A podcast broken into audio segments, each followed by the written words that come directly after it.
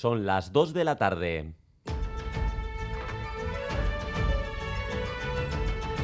Crónica de Euskadi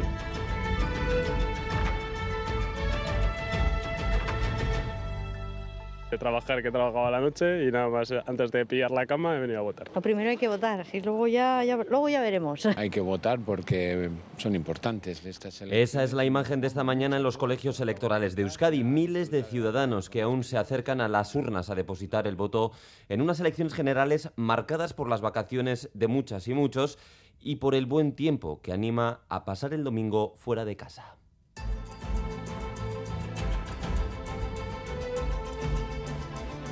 ¿Qué tal están a Racha León? Los más de 1.080 colegios de la Comunidad Autónoma Vasca y de Navarra continuarán abiertos hasta las 8 de la tarde. La foto es la de la gente que se acerca a votar para luego disfrutar de la jornada veraniega y la llegada del voto por correo a las mesas, que este año ha superado los récords. En un colegio de Baracaldo está Asier Herrero. Asier, a Racha León.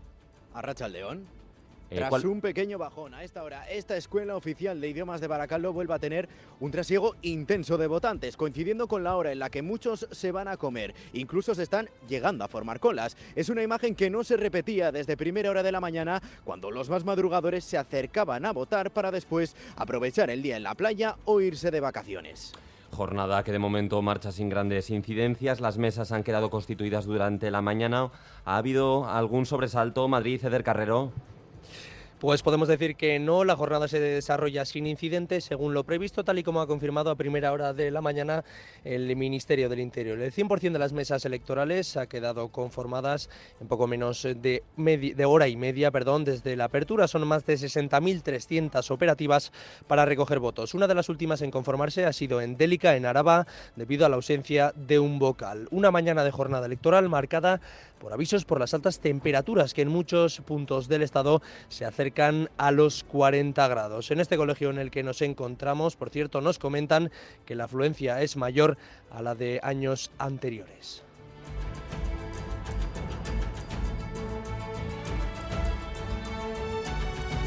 Y a esta hora acabamos eh, de conocer cuáles son los primeros datos eh, de participación. A esta hora el, recuento afirma que más o menos el 37% de las eh, personas ya han tomado, ya han dado su voto. Esos son los datos del año 2019. Ahora mismo, en el año 2023, el porcentaje de voto es del 36,96%.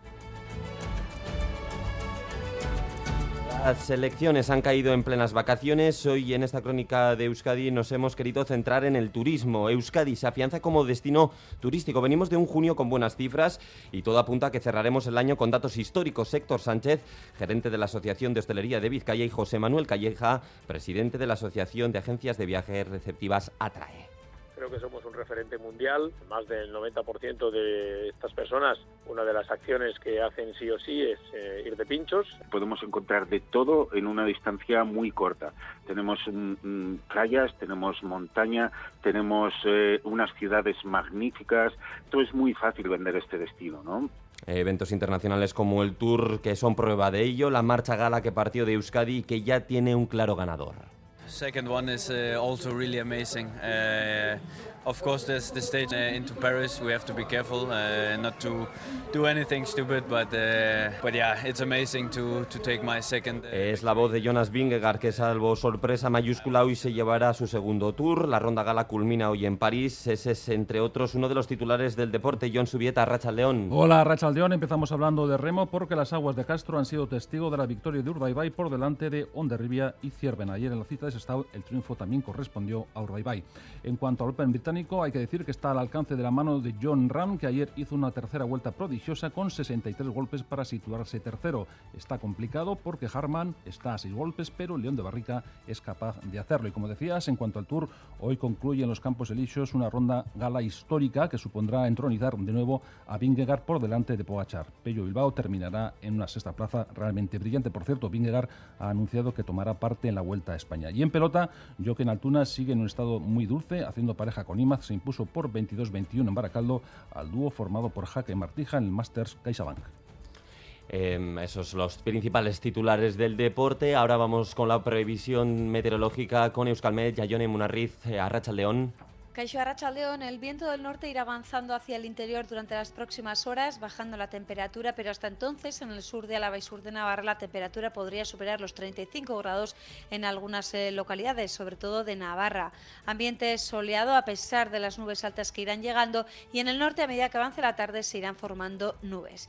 Y mañana lunes la llegada de un frente con vientos del noroeste algo intensos va a hacer que las temperaturas máximas eh, bajen, sobre todo en la mitad eh, sur y en general las máximas se van a quedar por debajo de los 25 grados, únicamente superando esta hora en el sur de Álava y sur de Navarra.